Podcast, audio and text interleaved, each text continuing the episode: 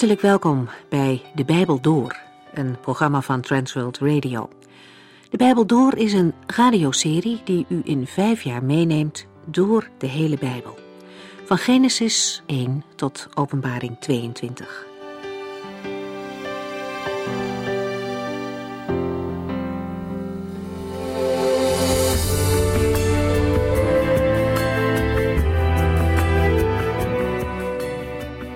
Het Evangelie van Matthäus, hoofdstuk 16, en daarin volgen we Jezus Christus tijdens zijn leven op aarde. We zien hoe hij omgaat met allerlei verschillende mensen. Laten we nog even terugkijken naar de ontmoetingen van de vorige keer. In Matthäus 15 was er opnieuw een confrontatie met de Fariseërs. Ze zijn erop uit om Jezus onderuit te halen, om hem op zijn woorden te vangen, maar ze krijgen het niet voor elkaar. De Heer Jezus zegt hen ronduit dat ze bezig zijn met een soort toneelstuk. Voor het oog van de mensen doen ze zich heel vroom voor, maar God kijkt naar wat er in hun hart leeft. En dat hart is ver van God. Maar er zijn ook andere mensen. Zo kwam er een vrouw, ze was niet joods, maar ze kwam bij Jezus om te pleiten voor haar dochter. Haar kind was bezeten en zij ging ermee naar de enige, de enige met een hoofdletter, die uitkomst kon geven. Ze smeekte de Heere om haar kind te redden. Ze wist dat ze er geen recht op had, maar toch bleef ze aandringen.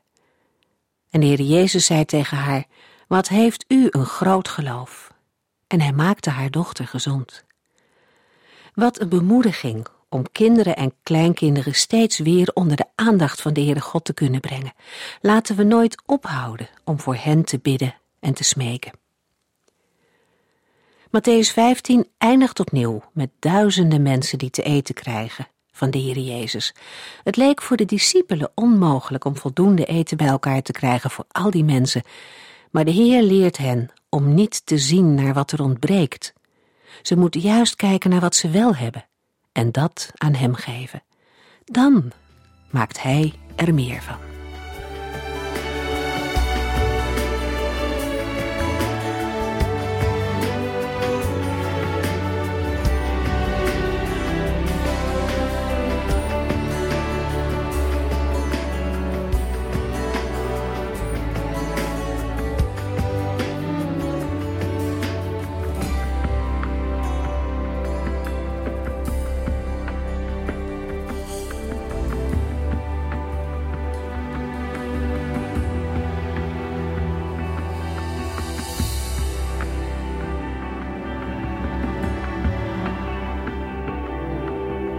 Het zestiende hoofdstuk van het Evangelie naar Matthäus zullen we zien dat de Fariseeën en de Sadduceeën Jezus om een teken vragen.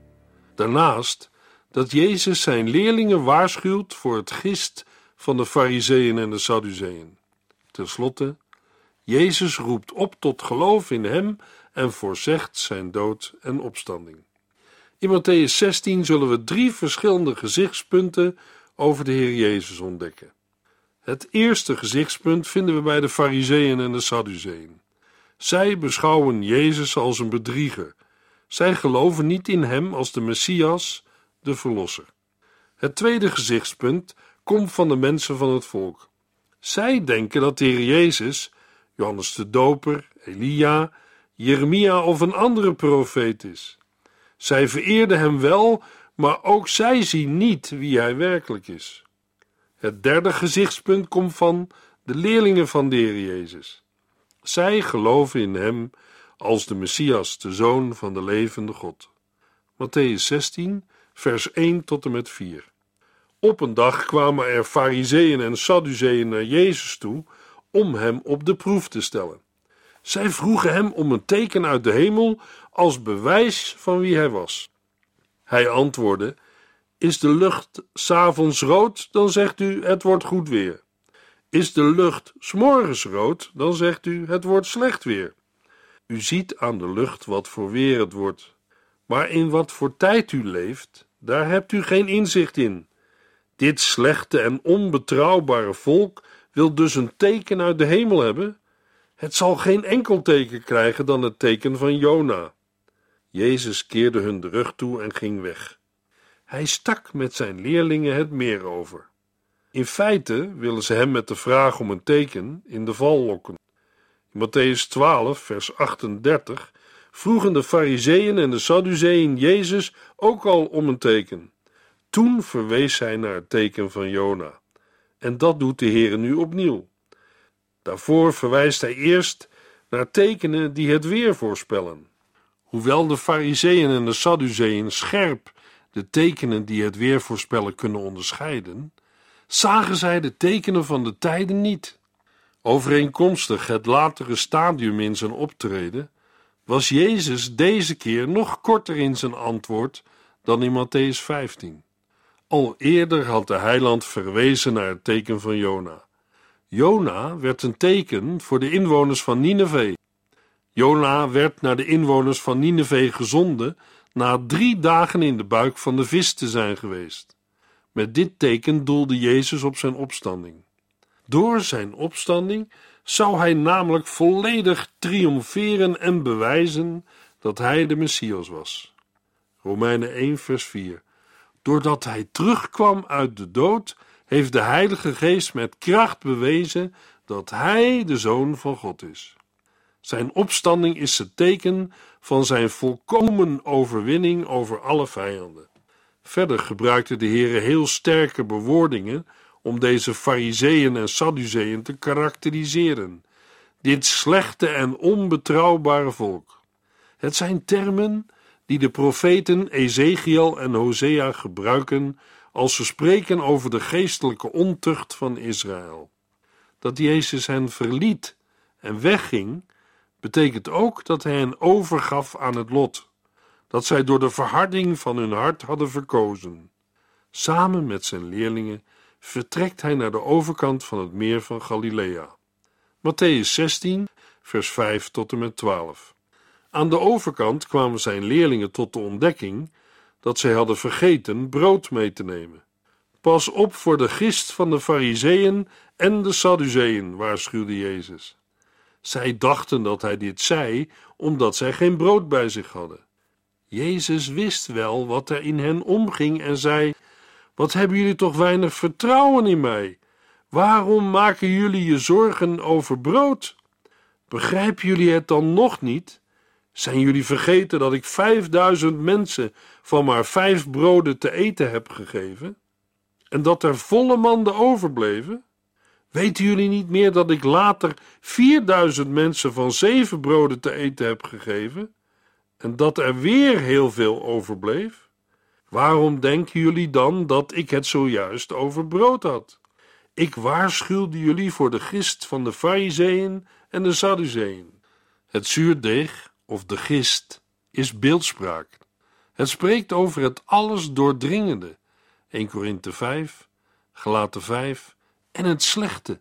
Leviticus 2 en 1 Korinthe 5. Het zuurdeeg van de Fariseeën en de Sadduceeën is hun denkwijze en de daaruit voortvloeiende leer, die aanstekelijk op het volk werkte en tot gevolg had dat men het onderwijs van Jezus niet aanvaarde. De leerlingen moesten zich hierdoor niet laten misleiden, maar zich van hen afscheiden. Matthäus 15, vers 14. Trek u dus niets aan van de Fariseeën. Ze zijn blinde gidsen die blinde mensen leiden. Ze zullen samen in een kuil vallen. Dat de Heer deze waarschuwing hier geeft, kan erop wijzen dat de discipelen niet erg waakzaam waren tegenover het gevaar dat hen van de kant van de Fariseeën en de Sadduceeën bedreigde. In het begin begrepen de leerlingen van Jezus de betekenis van de gist niet. Ze dachten dat het over brood ging. Maar het ging niet over brood als voedsel. Het ging over gist als een valse leer. Wanneer iemand over de gist van het evangelie spreekt, is dat een verkeerd gebruik van woorden. Gist is nooit een afbeelding van het evangelie, het is een symbool van het kwaad. Matthäus 16, vers 13 tot en met 20. Toen Jezus in Caesarea Philippi kwam, vroeg hij zijn leerlingen: Wie ben ik, de mensenzoon, volgens de mensen? Sommigen zeggen dat u Johannes de Doper bent, antwoordde zij.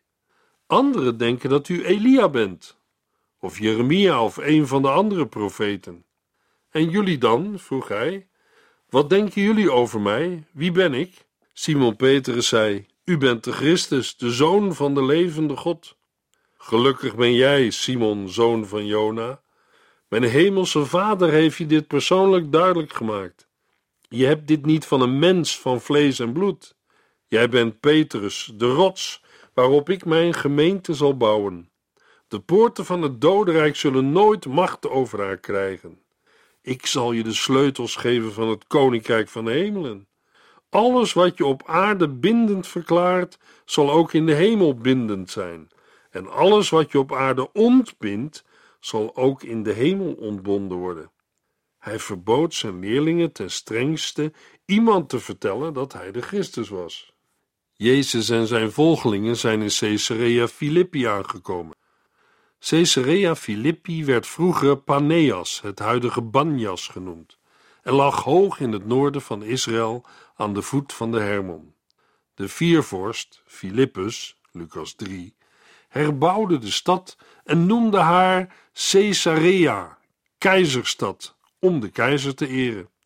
Om deze plaats te onderscheiden van het andere en meer bekende Caesarea bij de zee, kreeg de stad de bijnaam Philippi, naar Philippus. Jezus vroeg aan zijn leerlingen voor wie het volk hem in het algemeen aanzag. Dit als voorbereiding op de vraag voor wie zij hem hielden, vers 15. Het is van fundamenteel belang te weten wie de Heer Jezus is. Als een mens op dit punt geen duidelijkheid krijgt, zal hij of zij ook nooit duidelijkheid krijgen over iets anders wat tot het koninkrijk van de hemelen behoort. Vanuit Caesarea Philippi gaat Jezus naar het zuiden, in de richting van Jeruzalem, waar hij uiteindelijk zal worden gekruisigd. Voordat de Heer aan de reis begint, zijn er twee zaken die hij aan zijn volgelingen duidelijk wil maken. In de eerste plaats wie hij is en in de tweede plaats wat hij gaat doen in Jeruzalem. Luisteraar, dit zijn twee punten die ook voor u, jou en mij duidelijk moeten zijn. Dit moet de mens weten om zijn of haar geloof te kunnen uitoefenen. Een mens moet dit weten om gered te kunnen worden van de eeuwige dood. De eerste vraag van de Heer Jezus is: Wie ben ik, de mensenzoon, volgens de mensen? Luisteraar, wie is de Heer Jezus volgens u? Die vraag stelt de Heer vandaag nog steeds. Hij is nog steeds de meest besproken en controversiële man die ooit op deze aarde heeft rondgelopen. Ik denk dat wanneer wij deze vraag zouden stellen aan de mensen op straat, we allerlei tegenstrijdige antwoorden zullen krijgen. De antwoorden die de leerlingen van Jezus geven, laten dat al zien. De een zegt Johannes de Doper. Zeker, hij was een groot man en de mensen zagen dat ook. Anderen zeggen dat Jezus Elia was, een van de grootste profeten uit het Oude Testament, of Jeremia, een andere profeet uit de periode van de ballingschap. De drie grote persoonlijkheden die hier genoemd worden, tonen dat het volk hogere gedachten had over Jezus. Maar ze zagen niet in dat hij de Messias was. In de weergave van de vermeldingen staat de opvatting van Herodes en het hof vooraan. Hij had gezegd: dat moet Johannes de Doper zijn. Matthäus 14, vers 2. De profeet Malachi, in Malachi 4, vers 5, had geprofeteerd dat Elia zou terugkomen als voorloper van de Messias. Jeremia was de profeet die wel het meest op Jezus leek. Het samengaan van goddelijk gezag en lijden is bij beiden kenmerkend. Er was bij de mensen in die dagen een grote variatie aan gezichtspunten. Welke antwoorden zullen de mensen bij u in de straat geven? Ik denk dat het allemaal verschillende antwoorden zullen zijn. Bijvoorbeeld een stichter van een godsdienst, of een goed mens, of een bekende profeet uit de geschiedenis. Nu was het de tijd voor de discipelen om antwoord te geven op de vraag. In een paar woorden spreekt Petrus een belijdenis uit die een keerpunt in de heilsgeschiedenis betekende. Hij sprak namens alle discipelen, alle gelovigen, met grote kracht en nadruk. De titel Messias, Christus, omschrijft de totale bediening van Jezus. De Zoon van de levende God betekent dat Jezus de Zoon van de levende God is in unieke zin, dat God zichzelf in en door hem openbaart. God is geen God van doden, maar van levenden. Afgoden zijn dood en kunnen niet praten. U bent de Christus, dat is de Messias, de gezegende, de ene die al in het Oude Testament werd voorzegd. De Heer Jezus was deze persoon. Het was het mooiste getuigenis en de hoogste blijk van eer en respect. Een geloofsgetuigenis. Alleen door de Heilige Geest kan je een volgeling van Christus worden en zeggen dat Jezus de Heer is. Alleen de Heilige Geest kan het wezen van Christus openbaren. Het komt niet van een mens. Dat zegt Jezus aan Petrus. Het komt van God. Nadat Petrus had gezegd: U bent de Christus, zei Jezus nu tot hem: Jij bent Petrus. De Heer had Simon al bij de eerste ontmoeting Petrus genoemd, Johannes 1, vers 43. Maar nu werd bevestigd dat Petrus ook is wat zijn tweede naam zegt. Jij bent Petrus, de rots waarop ik mijn gemeente zal bouwen. Op deze Petra, betekent rots, zal ik mijn gemeente bouwen. Welke rots bedoelt Jezus? Hiervoor worden voornamelijk drie verschillende verklaringen gegeven. Ten eerste dat Petrus de rots is. Ten tweede dat zijn belijdenis omtrent Jezus de rots is. En ten derde dat Christus zelf de rots is. 1 Petrus 2 vers 8. Petrus zelf is een steen, niet de hoeksteen. Dat wil zeggen de eerste rotssteen die nodig is voor de bouw van een huis en waarbij alle andere stenen zich zullen aansluiten. Want hij heeft als eerste de geloofsbelijdenis van de gemeente duidelijk uitgesproken. Petrus is niet de enige steen. Het gaat niet om de mens Simon Petrus. Het is een woordspeling met de Griekse woorden Petros, de naam Petrus, en Petrai, het Griekse woord voor rots. Anderen menen dat het hier gaat over de belijdenis van Petrus, waarop Christus zijn kerk zal bouwen. Zeker, Petrus heeft als eerste de geloofsbelijdenis van de kerk uitgesproken, maar velen na hem hebben deze geloofsbelijdenis herhaald. Maar wie is dan de rots? De rots is Christus zelf. Petrus legt dat zelf later uit in 1 Petrus 2, vers 4. Ga dus naar Christus toe. Hij is de levende steen waarop God zijn bouwwerk neerzet. Hoewel de mensen hem hebben afgewezen, is hij voor God zo kostbaar dat hij hem uit alle anderen heeft uitgekozen. Petrus herinnert daarmee ook aan Jesaja 28, vers 16. Kijk, ik plaats een steen als fundament in Sion, een kostbare hoeksteen die ik heb uitgekozen, en wie zijn vertrouwen daarin stelt, hoeft nooit meer een andere toevlucht te zoeken. In 1 Korinthe 3 vers 11 staat het zo: Want een andere fundering dan Jezus Christus mag niemand leggen. Conclusie: Christus is de steen. Hij zegt dat hij zijn gemeente op deze rots zal bouwen. Toen hij dat zei, moest de gemeente er nog komen. In het Oude Testament was er nog geen gemeente. De gemeente werd gesticht na de dood, opstanding en hemelvaart van Christus. Toen werd de Heilige Geest uitgestort op alle vlees. De gemeente was geboren. Met gemeente wordt hier niet een aardse instelling bedoeld, een kerk, maar de universele gemeente, het nieuwe volk van God, dat uit alle ware gelovigen van alle tijden en alle plaatsen bestaat.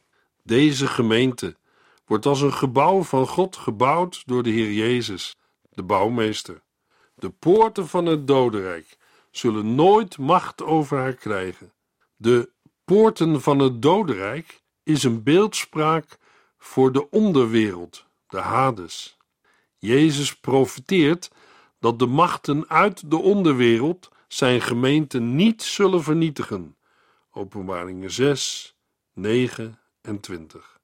Eens, dat kan binnenkort zijn, zal de Heere zelf neerdalen uit de hemel met een groot geluid. Dat geluid zal zijn als de stem van een aartsengel en als een trompet. Dan zullen degenen opstaan die in Christus zijn gestorven. Want de poorten van het dodenrijk zullen zijn gemeente niet overweldigen. Ik zal je de sleutels geven van het koninkrijk van de hemelen. Het beeld van de sleutel vinden we al in Nehemia 8 en Jesaja 22 en ook in Openbaring 3. Het geven van de sleutels aan de huisbeheerder symboliseert het overdragen van macht. De beheerder heeft dan dezelfde macht als zijn huisheer. Over deze macht handelt ook het binden en onbinden dat in de hemel, dat wil zeggen door God, bevestigd zal worden. Het spreekt over de rechterlijke volmacht om iemand vrij te spreken of schuldig te verklaren. Net zoals het aanbieden van de vrede van God en het afschudden van het stof van de voeten, als ook het vergeven en niet vergeven van de zonden. Johannes 20. In het Ooster spraakgebruik beschrijven de tegenstellingen een totaliteit, zodat de volgorde niet van belang is.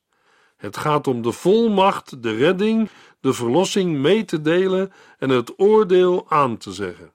Dat Petrus als eerste, maar niet uitsluitend, Matthäus 18, vers 18, deze volmacht zou bezitten, zien we als hij op de Pinksterdag, Handelingen 2, het koninkrijk van de hemelen met zijn krachten weer opent voor de Joden. En later, in het huis van Cornelius, Handelingen 16, voor de heidenen. In deze volmacht realiseert zich nu al een functie die alle gelovigen straks samen met de Heer Jezus zullen vervullen. Matthäus 19, Openbaring 20. Als we het woord niet openen, houden we de weg naar de hemel gesloten. Als we het woord openen, ontsluiten we de weg naar de hemel. De sleutels zijn niet in het bezit van één enkel kerkgenootschap. De gemeente van Christus en iedere volgeling van Christus heeft de verantwoordelijkheid om het evangelie uit te dragen. Daarmee wordt in de naam van de Heere mensen redding aangeboden. Een geweldige openbaring, maar ook een grote verantwoordelijkheid. Matthäus 16, vers 21 tot en met 27. Van toen af begon Jezus zijn leerlingen duidelijk te maken dat hij naar Jeruzalem moest gaan en daar verschrikkelijke dingen zou meemaken. Hij zou in de handen van de verantwoordelijke oudsten, priesters en bijbelgeleerden vallen en gedood worden. Maar op de derde dag zou hij weer levend worden. Petrus nam hem apart om hem terecht te wijzen. Dat mag niet, heren, zei hij. God zal ervoor zorgen dat u zoiets niet overkomt. Jezus keerde hem de rug toe en zei: Maak dat je wegkomt, Satan. Je bent een valstrik voor mij. Je bent niet gericht op wat God wil, maar op wat mensen willen. Daarna zei Jezus tegen zijn leerlingen: Wie bij mij wil horen, moet zichzelf niet belangrijk vinden.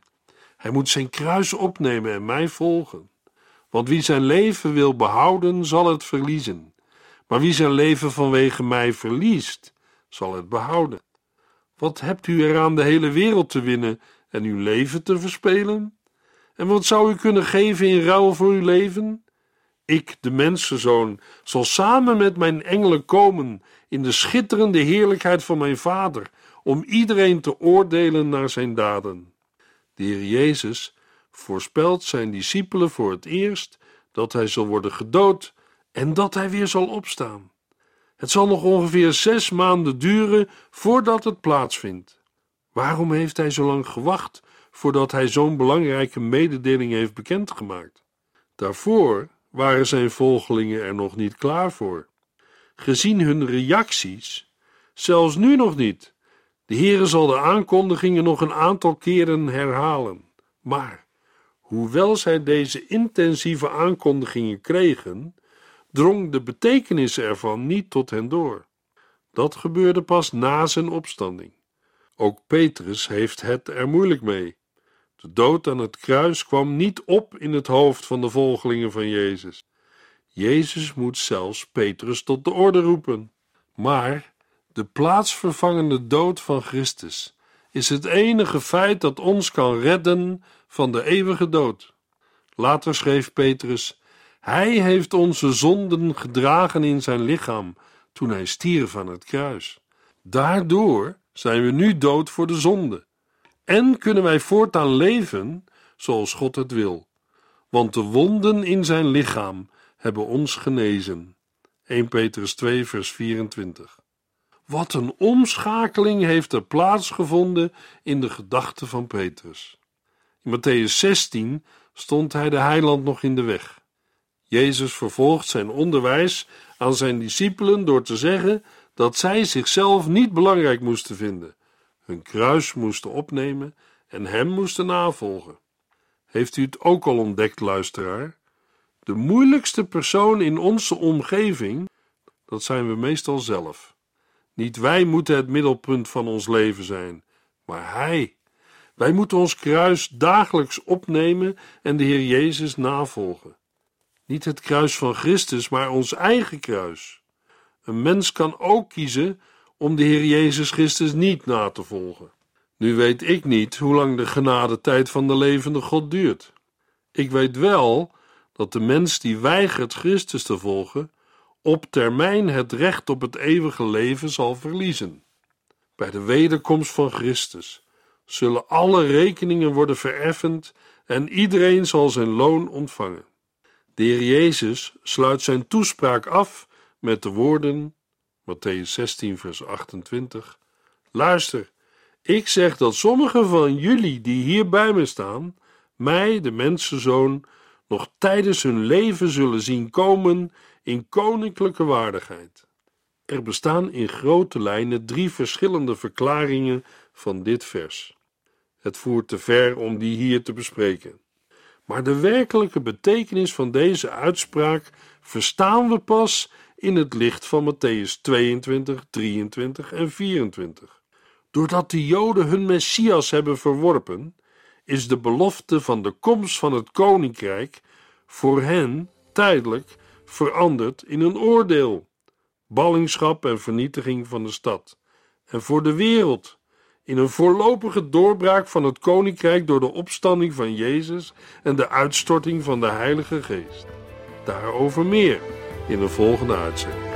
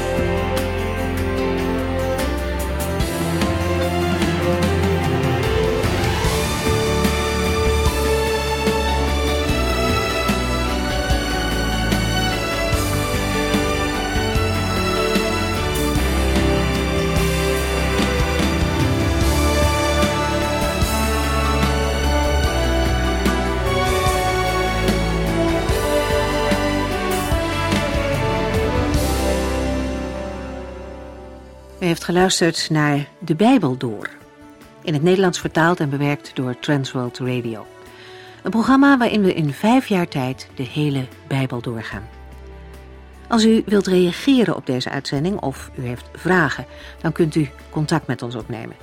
Tijdens kantooruren kunt u bellen op 0342 47 8432. 0342 47 8432. 32. Ook kunt u een e-mail sturen naar de Bijbel door transworldradio.nl en natuurlijk kunt u ook via de post ons bereiken. TWR, postbus 371, postcode 3770, AJ in Barneveld. Dit programma werd gepresenteerd door Cor Weda en Ike André. Techniek was in handen van Odin van Woerdekom. En wij allemaal bedanken u voor het luisteren. Graag tot de volgende keer.